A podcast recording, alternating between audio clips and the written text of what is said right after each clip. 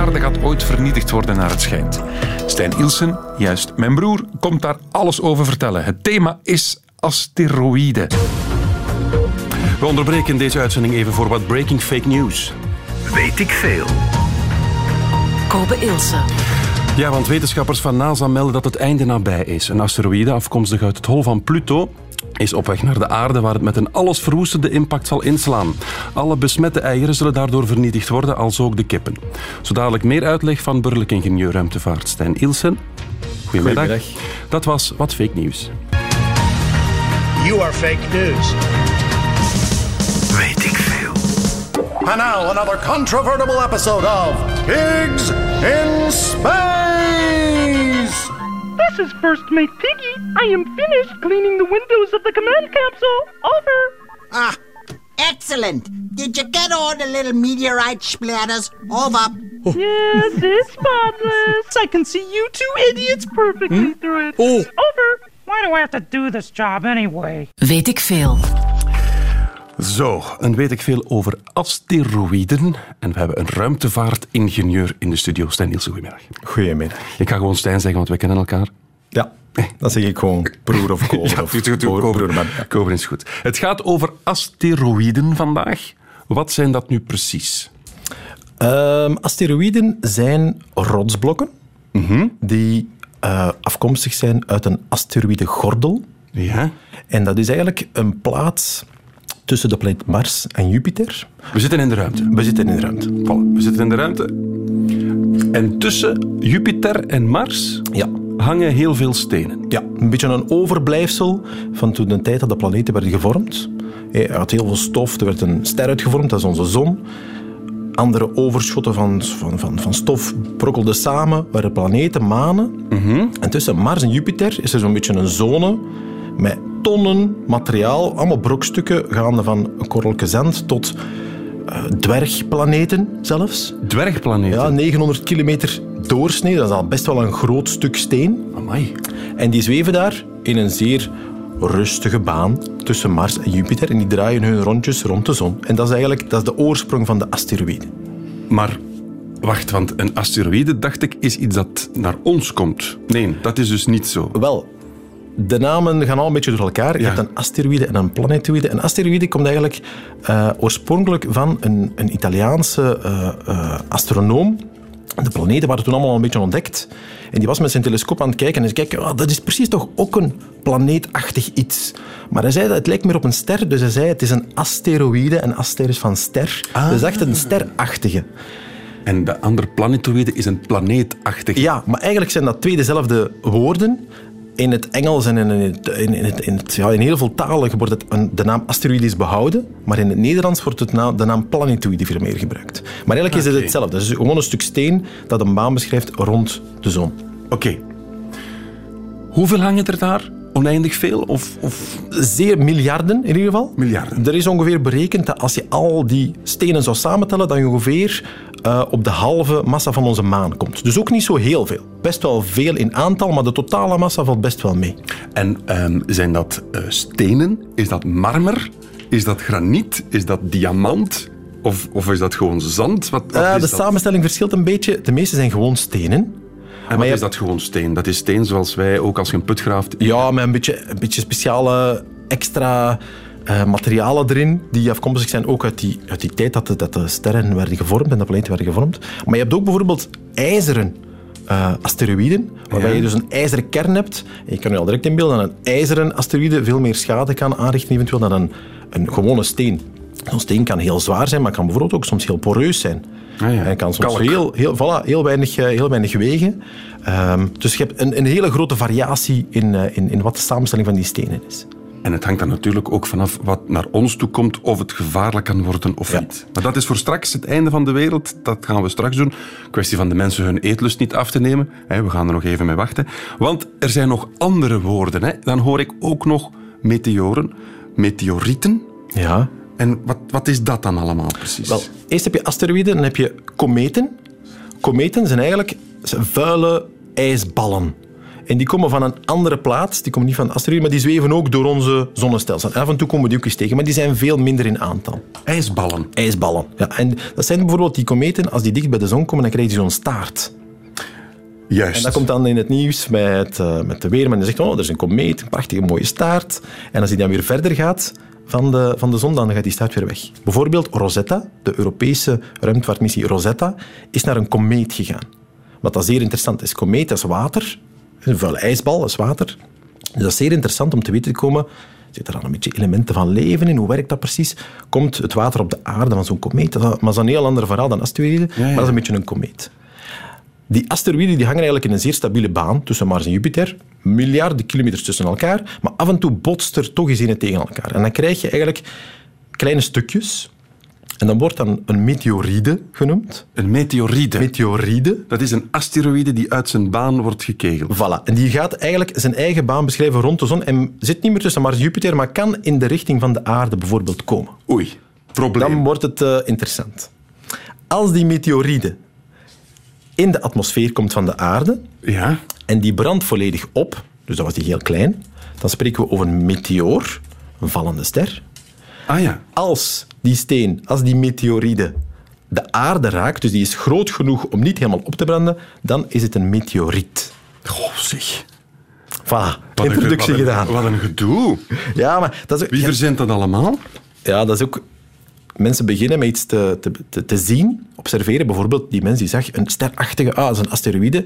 Later komen er dan veel andere wetenschappers die zeggen van... Oh ja, maar eigenlijk is dat geen asteroïde. Dat Nee, is eigenlijk een planeet. Ah, ja, ja, en dan krijg je verschillende namen door elkaar. Is Pluto nog een planeet? Is het een dwergplaneet? Al dat soort zaken gaan door elkaar. Dus zeggen dat die dinosaurussen zijn uitgestorven doordat er een asteroïde op de aarde is gevallen, dat klopt niet helemaal. Dan, het is een meteoriet. Het is een meteoriet, maar de meteoriet was, eigenlijk ooit... een asteroïde. Ja, we zijn goed bezig. Net voor half negen onze tijd scheerde de asteroïde 2012 DA14 dan langs de aarde, zoals dat heet. Vooral in Azië en Australië was het brokstuk goed te zien. Weet ik veel. Nog een streepje Chinees erachter. Altijd interessant. Weet ik veel over asteroïden vandaag? En een paar jaar geleden, ik herinner mij vooral het beeld nog, de dashcam, is er zo op aarde nog iets naar beneden gekomen. Hè? Ja, in de een, een lichtflits. Dat, wacht, wat is dat dan? Dat was een meteoriet. Eh, Of een meteoor. Ik denk dat het een meteoor was, want ik denk niet dat er iets op de aarde is teruggevonden dat ook echt geland is. Dus het is Ah ja, ontploft. Ja. in de atmosfeer tijdens de binnenkomst, dus dan is het waarschijnlijk een meteoor. Want dat hebben we al geleerd, dat het, er zijn heel veel namen Ja, maar je kan ook gewoon zeggen een asteroïde. Weet. Oké, we gaan het daarbij houden. Wat was dat dan? Dat was een brokstuk uit de ruimte. Waarom is dat zo'n lichtflits? Wat is dat? Je moet weten, die asteroïde die vliegt met een enorme snelheid. Hoe snel? 20 à 30 kilometer per seconde. Dus Dat is snel. 20 à 30 keer de snelheid van een kogel. Dus dat is heel erg snel. Ja. Onze snelste raketten zijn niet zo snel. Wat is de snelste raket? Eh, ik denk dat wij iets van een 10, 12 kilometer per seconde kunnen halen met een raket. Als we Ja. naar Pluto gaan of naar Mars gaan, dan moeten Ja. we echt ontsnappen van de aantrekkingskracht van de aarde. Dan heb je die snelheid nodig. Maar dit komt op een zeer grote snelheid met ons af. De asteroïde die, waar je over spreekt, is in de Oeral ergens geland in 2013. Eh, die had waarschijnlijk de grootte van 10 à 20 meter doorsnee. Dus eigenlijk niet zo heel groot, hè. een stuk steen. Want dat was een lichtflits ongelooflijk. Niet te doen. Ja. En in principe, als die binnenkomt, dan krijgt hij heel veel wrijving met de atmosfeer. Daardoor gaat hij heel hard opwarmen. Zoals ook er- als je de, mensen vroeger van de maan terugkwamen, zat ook in zo'n capsule. Die wordt helemaal oranje van, het- van, van het vuur. Goeie scène in Apollo 13, de Voilà, film. perfect. En de Ja. parachute werkt nog. Oeh, iedereen blij. Maar dat die asteroïde zo opwarmt, ontploft die op een gegeven moment. Dus Eh. er is zoveel wrijving met, met onze atmosfeer, de zuurstof dat hier hangt en dat soort dingen, dat dat ding opwarmt. Ja, en dat wordt heel, wordt heel erg warm, ontploft. En daardoor krijg je heel veel kleine stukjes, die branden eigenlijk ook allemaal op.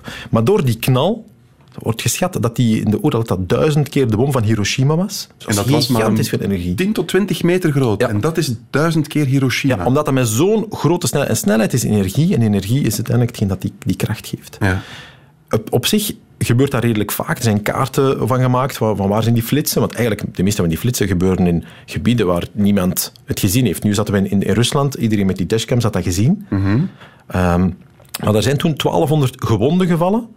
Niet door de impact zelf, want uiteindelijk is er waarschijnlijk niks op de aarde terechtgekomen, maar vooral door de schokgolf. Dus glas dat breekt, mensen zijn, zijn verward, gebotst tegen een paal, van alle verschillende dingen. Maar 1200 mensen zijn inderdaad wel echt gewond geraakt. Maar niemand heeft dus iets op zijn kop gekregen. Nee.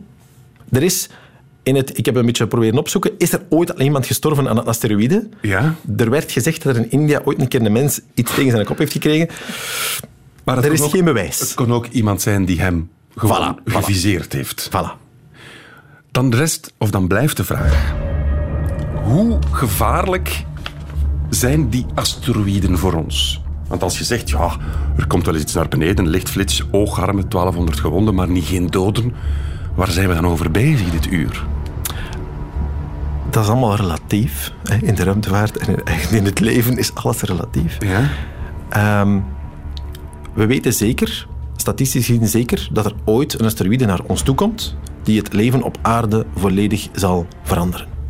Daar Zoals er gebeurd is bij de dinosaurussen. We weten dat 100% zeker dat het ooit opnieuw zal gebeuren. Dat wij gewoon van de kaart gaan geveegd worden door een steen. Voilà, als we er niks aan doen.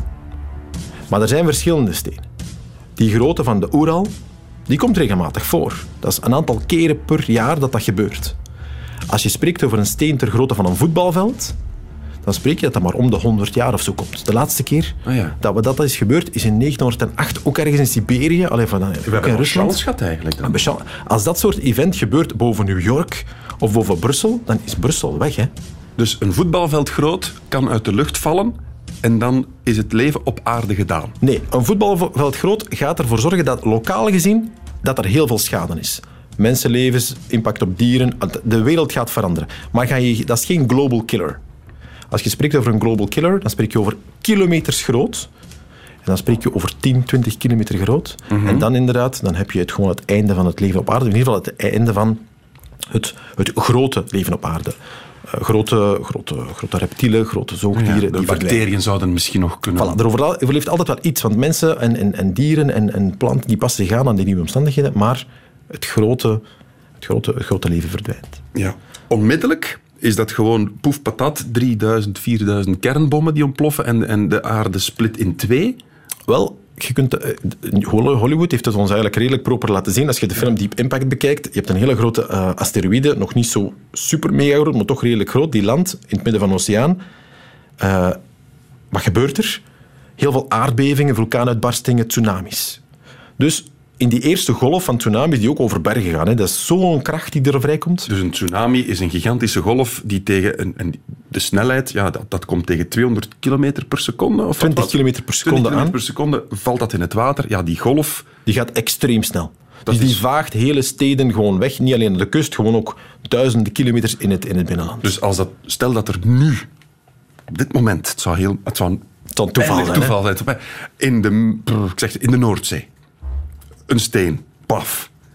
Dat is, oh, in een flits van een seconde is dat water hier. Ja, ik weet niet hoe, hoe snel dat zo'n zo'n zo'n water gaat eigenlijk. Maar ik denk dat dat redelijk snel is. Maar niet in een flits. Je hebt wel, je hebt wel een beetje tijd. We voelen het trillen, we voelen het rammelen. je, en gaat, je gaat aardbevingen krijgen, je krijgt dan die tsunamis.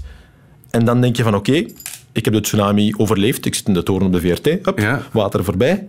En dan, wat krijg je dan?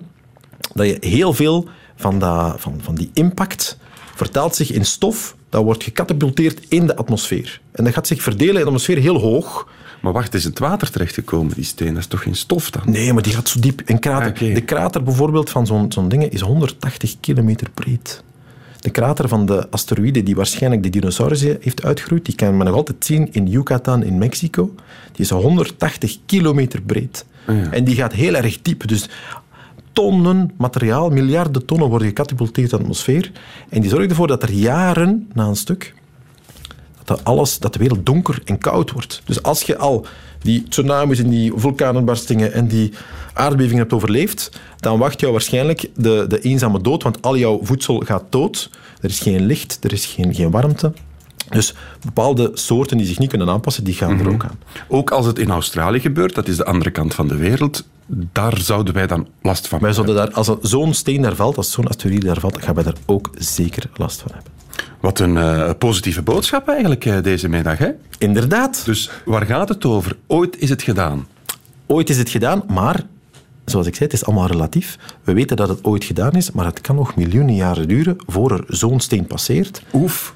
En we weten dus, statistisch gezien, dat het zal gebeuren, maar we weten niet exact wanneer het zal gebeuren. Het enige waar we nu vooral op aan het inzetten zijn als, als, als, als, als humaan ras, is proberen in kaart te brengen waar zitten die heel gevaarlijke asteroïden. Maar voorlopig, de mensen die nu een boterhammetje aan het eten zijn, die kunnen gerust verder knabbelen. Ja, er is ene Oei, die mogelijkerwijs komt, 13 april 2029. Ja, maar dat is vanmiddag nog niet, hè? Dat is vanmiddag nog niet. En de kans was 2% en is eigenlijk aan het zakken door betere berekeningen van de baan. Dus waarschijnlijk valt het nog wel mee. Maar toch plant uw verlof voor 2029. Voilà, ja. een keer iets zot. Catastrofes kunnen ook een soort esthetische waarde hebben, vind ik. En, en zo'n zo'n grote krater van een meteoor, dat, dat heeft iets. Ik bedoel, ik, ik denk niet in eerste instantie aan een ramp als ik zoiets zie. Het heeft iets toeristisch ook meteen. Ik heb trouwens gemerkt dat als je die foto omdraait, vreemd genoeg, krijg je een hele mooie heuvel. Weet ik veel. Ja, weet ik veel over het einde van de wereld hebben we al geleerd vandaag. Van wie? Van ruimtevaartingenieur Stijn Ilsen. Ja, dat is... Voilà, dat is mijn broer. Eh, hij heeft gestudeerd in Delft en is bezig met een project, of was bezig met een project, maar dat over straks meer, om een asteroïde uit zijn baan te duwen. Maar daarover straks meer, want eerst hebben we al geleerd, het einde is nabij. Alles is relatief. Ja. Want de kans dat zo'n ding op de aarde neerploft en zoals in der tijd die dinosaurussen heeft doen uitsterven, dat gaat nog eens gebeuren. Dat gaat nog eens gebeuren. Het is 66 miljoen jaar geleden, maar we hebben eigenlijk weinig kennis van... Gebeurt het om de 66 miljoen jaar? Is er een eigenlijk op komst? Wat is de statisticiteit van die grote, Ah, wel. grote asteroïden? Kom, je bent een wetenschapper. Geef mij een kans. Welk percentage, hoeveel procent kans hebben we dat het binnen dit en tien jaar gebeurt? Of, of is dat niet Het is een uit- zeer, zeer, zeer kleine kans. Wat, wat is klein? 0,0000 of, of 5 procent? Dus zeker 0,0000. Oké. Het is in die zin zo dat NASA als doel heeft gesteld om van de gevaarlijke asteroïden, dan spreken we over voetbalveld en groter, dat ze 90% van die asteroïden willen in kaart brengen om eigenlijk het risico beter in te schatten. Maar 90 procent is niet genoeg, hè? Nee, nee, dat is, dat is een begin, hè. Ja, ja, maar dat is niet genoeg. Want, Nee. want die in de Oeral van 2013 was het, hadden we niet zien komen. Nee. En we hadden wel ene verwacht aan de andere kant van de wereld, En die is een niet avond, en die is ernaast gegaan, maar die in de Oeral, en dat we niet... en, en bijvoorbeeld in 2015 is er ene van 470 meter. Dat is al, Dat is al stevig. dat is al vier voetbalvelden groot. Is tussen iets verder dan de maan gepasseerd en we hadden het pas door 21 dagen op voorhand. Dus er is heel veel werk nog om die asteroïden in kaart te brengen. Maar dat is niet zo gemakkelijk. De asteroïde geeft geen licht. Hè. Er staat geen, geen ledje op die zegt, hey, ik ben een asteroïde, Ja. pas op. Nee, je moet eigenlijk vertrouwen dat je die kan zien als die in de zon komt.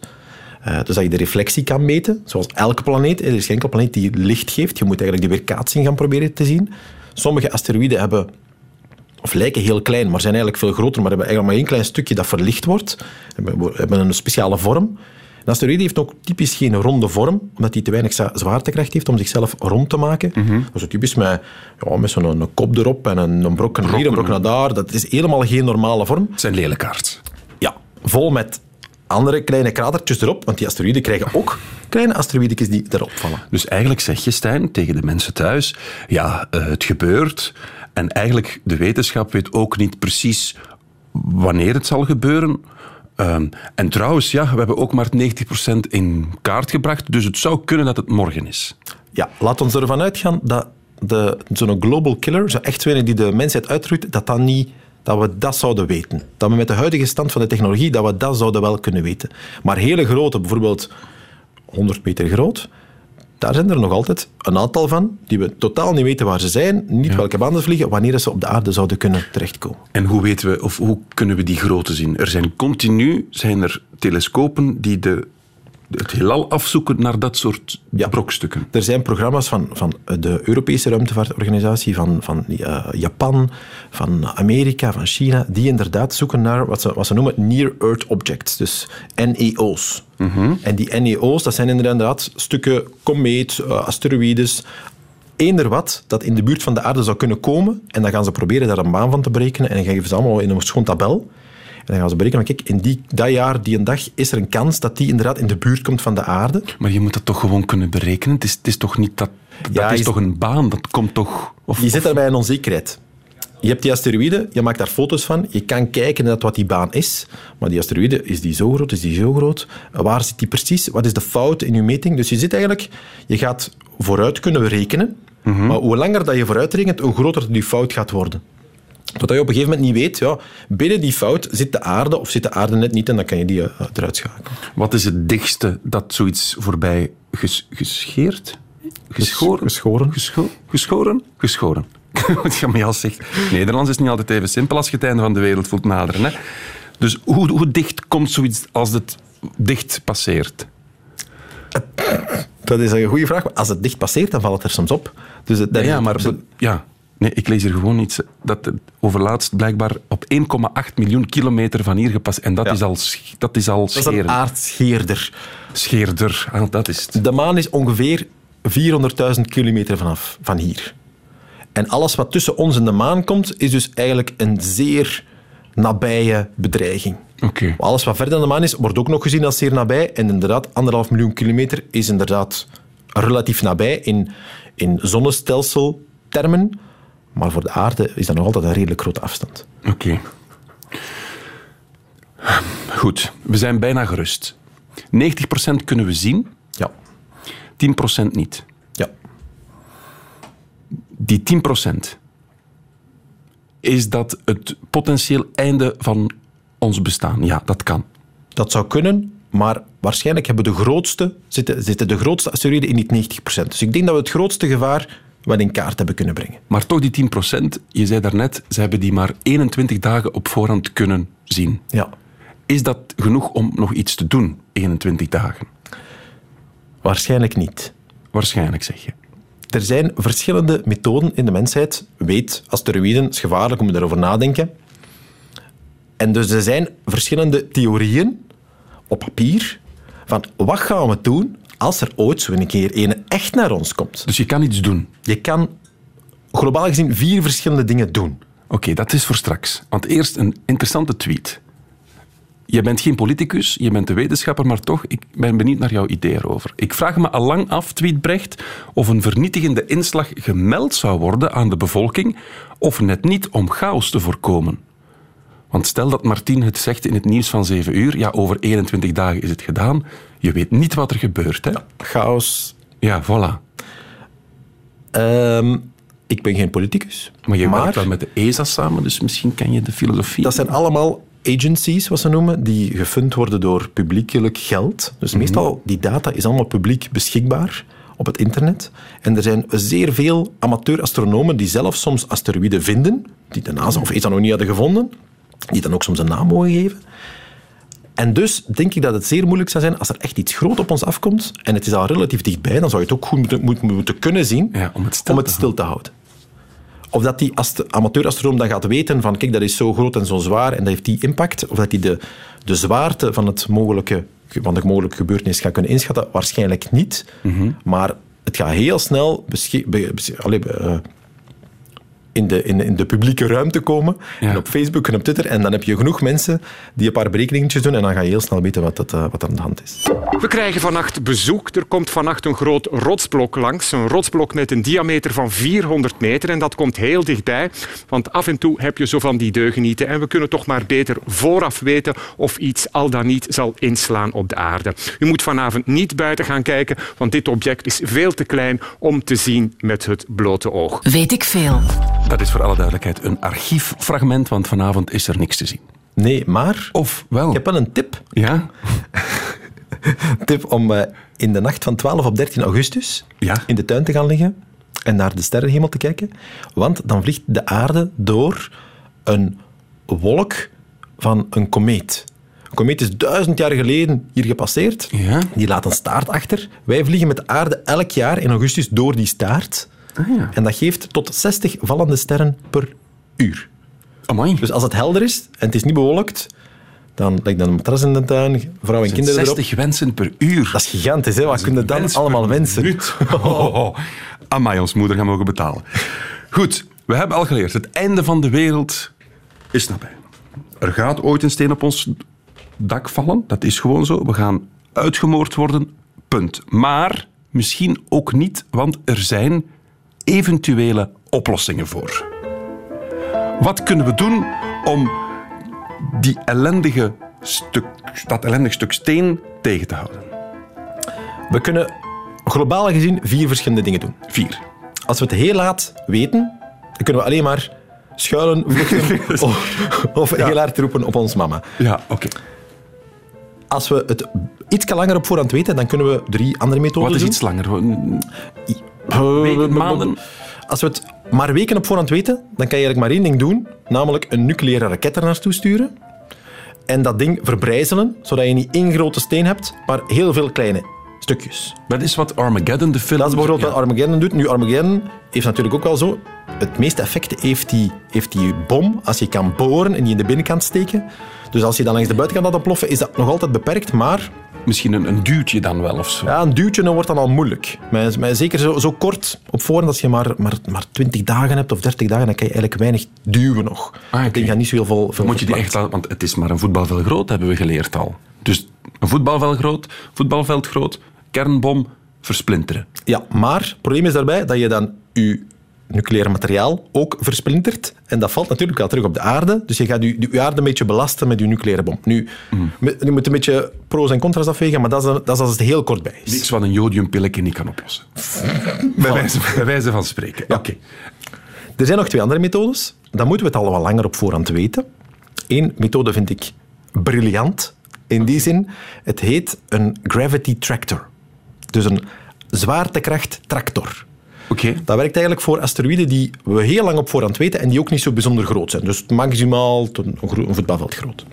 Wat doet dat eigenlijk? Je stuurt er een satelliet naartoe en je maakt die satelliet zo zwaar als mogelijk. En in plaats van daar te gaan op gaan zitten op die asteroïde, ga je daarnaast blijven vliegen. Ja, wacht, je maakt de satelliet zo zwaar als mogelijk. Maar die moet wel nog de ruimte in. Je moet, Ja. dus je moet daar een beetje een evenwicht in zoeken. Oké. Maar je probeert hem zo zwaar mogelijk te maken. Waarom zo zwaar mogelijk? De asteroïde heeft massa en gaat aan die satelliet trekken. Die satelliet heeft massa en die gaat aan die asteroïde trekken. Als je dat maar heel lang kan doen, dan trekt eigenlijk die satelliet die asteroïde uit zijn baan zonder dat hij die echt aanraakt. Maar dat is dus echt een soort kabeltje afschieten met haken in. Nee, zelfs zonder kabeltje. Dat werkt gewoon met de zwaartekracht op, op, op, op die afstand. Maar hoe groot moet die satelliet dan zijn om een, om een, om een voetbalveld? Oh, dat kan, dat kan zeer klein zijn. Het is in die zin zo, je moet een beetje, een beetje voorstellen als ehm, dat je maar een hele kleine verandering van snelheid nodig hebt om die satelliet of die, of die asteroïde een klein beetje een andere baan te geven en de aarde net te missen in plaats van er net op te vliegen. Ja, want dus je de hebt niet veel een nodig. klein punt in de verte. Voilà. Dus een minimale aanpassing en het vliegt er voorbij. Voilà. Zeker als je dat jaren op voorhand kan doen. Oké. Dus dat is die gravity tractor. Maar dat is ook... Maar is dat realistisch? Is dat al getest? Nee. Nee. Maar geen enkel van die methodes is al getest. Oké. Dat stelt ons komen we straks misschien gerust. Maar bon. En de laatste methode? De, de, de laatste methode is de meest praktische methode, namelijk we botsen er gewoon zo hard mogelijk tegen. Beetje alsof dat je een zandkorreltje schiet tegen een vliegende tennisbal. Als je dat heel za- langzaam schiet, ja, die tennisbal die gaat er niks van voelen, die gewoon rechtdoor. Als je dat zandkorreltje heel hard kan schieten, dan gaat die tennisbal daar ook- toch een heel klein beetje last van hebben en een kleine afwijking kan hebben van zijn baan. En daar, aan dat project heb je meegewerkt. Ja, want... Dat is uw idee. Nee, dat is niet mijn idee. Oh, dat was leuk geweest, moest het mijn idee geweest zijn. Maar Maar jij hebt meegewerkt aan, we, sturen, we, we- we schieten iets op die asteroïden. Ja. In die zin is het zo dat wij slimmer zijn geworden dan die dinosaurussen. Wij, 70 jaar geleden hebben wij beslist als mensheid, wij bouwen raketten, wij gaan de ruimte in, dus wij kunnen iets doen. Wij kunnen ons lot in handen nemen. Ehm, het project heet AIDA. Het is een Amerikaans-Europees project, want zo'n bedreiging is voor de wereld. Hè. Dat is niet alleen enkel voor België, je moet dat samen doen. Het is een zeer boeiend project waarbij dat Europa een satelliet gaat maken die naar een asteroïde naartoe gaat gaan. Daar foto's van gaat maken, een landertje opzetten, van alles mee doen, zodat we die, die asteroïde zo goed mogelijk leren kennen. En op dezelfde moment als wij vertrokken zijn, is er een NASA, een Amerikaanse raket. dikke En wat raket, kan NASA ja. goed? Botsen met Ja, grote... op zijn Trumps gewoon. Op zijn Trumps, Dat- dat- recht er Fire and fury. Inderdaad, Voilà. Recht daarop. En omdat wij dan heel dichtbij blijven met die Europese satelliet, kunnen wij heel goed gaan bekijken wat precies het effect is op die asteroïde. Hoe groot is die krater? Wat komt er allemaal uit? Hoe warm wordt dat? Wat is de afwijking in die baan? Omdat, Ah ja. omdat we dan... Je kunt wel in een labo een klein kogeltje afschieten op een stuk steen waar we van denken, oh, dat zal ongeveer een asteroïde zijn. Maar er is niks dat ons beter kan voorbereiden dan het ook echt te doen. En jullie wouden dat ook effectief doen met een asteroïde die eigenlijk helemaal geen gevaar vormde. Hè? Dat was Inderdaad. het plan. Dat was met de asteroïde Didymos. Eh, die passeert in 2022 relatief dicht bij de aarde, op een paar miljoen kilometer van de aarde. Dus dat is eigenlijk zeer gemakkelijk voor communicatie bijvoorbeeld. Ehm, en dat was eigenlijk de ideale, de ideale missie. Alleen in november vorig jaar hebben de ministers van wetenschap van de Europese Unie beslist om te zeggen van goh, het project heet AIM, laat ons iets anders doen. Want het is toch niet zo heel belangrijk. en wat is de zo eigenlijke kans? En het is dus eigenlijk gecanceld. Dus jij bent werkloos thuis. Ja, ik ben op zoek naar 250 miljoen om het project toch nog op de sporen te krijgen. 250 miljoen. Ja, en dat is misschien wel dat belangrijk. Is, dat is de politiek het einde van de wereld vermijden niet waard. Inderdaad. En wat is 250 miljoen? Voor een Europese eh, continent is dat 30 eurocent per inwoner. Voor één jaar, dat is niet zo heel veel. Je kunt er een Neymar van kopen. Ja. Het Eurostadion kost 300 miljoen. Wat is dan 250 miljoen voor de hele wereld om een keer een soort van brandoefening te doen, zodat als het echt gebeurt, dat je op zijn minst voorbereid bent. Ilse, je bent politiek aan het doen. Oppassen. In het jaar 2028, op 26 oktober om precies te zijn, wordt de aarde geraakt door een asteroïde. Tenminste, dat beweerden van de week enkele Amerikaanse sterrenkundigen. Ze wisten zelfs te vertellen hoe laat de botsing zou gebeuren. Om half zes 's avonds, Greenwich-tijd. De inslag zou gelijk staan met 2 miljoen Hiroshima-bommen. Hij zou continenten in brand zetten en de aarde voor jaren verduisteren. Weet ik veel. Maar nu blijkt dat de wetenschappers zich vergist hebben. De asteroïde passeert de aarde op 100.000 kilometer afstand. Oh, oef. Trouwens, nog een leuke tweet. Peter Kaastekkers tweet. Pittig detail over die grote asteroïde met 2% inlag- inslagkans. Dat hebben we al geleerd vandaag. Op 13 april 2029. Dat is wel een vrijdag. Meldt hij ons nog. Toeval of niet? Ja, niet echt een prettig weekend dan, hè? Quiz. Weet ik veel. Heb ik goed geluisterd vandaag? Stijn Nielsen, laat maar komen de vragen. Eerste vraag. Waar komen de asteroïden vandaan? Van ehm, een plaats tussen Mars en Jupiter waar er een hele hoop eh, rond zweven. Super. Is dat juist? Asteroïden. Oké. Ja. Ja, vraagt Hoe snel vliegt een asteroïde? Hoe snel? Eh, ja, dat is kilometer per seconde. Dat weet ik nog. Ik, ik, mm, 20, 30? Perfect. Is het waar? Oeh. Amai. Wat is het verschil tussen een meteoor en een meteoriet? Oh, oh. Een meteoor is iets dat eh, opbrandt in de atmosfeer en een meteoriet is iets dat dan uiteindelijk toch op de aarde terechtkomt. Absoluut juist. Ho, ho, Vierde vraag. Hoe groot is de krater in Yucatan, Mexico van de meteorietinslag die mogelijkerwijs Ik weet het. de dino's heeft? Ik weet het. 180 kilometer. Ja. De laatste. En dan, aan welk project heb ik meegewerkt? Het project van ESA en NASA om een asteroïde... AIM. AIM. Of AIDA. AIDA. AIDA was het. Hopla. Vijf op vijf. Een beetje een familietraditie. Ons moeder gaat vier zijn. Stijn, dankjewel voor deze zeer goede les. Asteroïden voor beginners. Radio 1. Weet ik veel? Dit is het einde van deze podcast van Weet ik Veel. Weet ik Veel is trouwens een programma van Radio 1. Op radio1.be vindt u nog veel meer.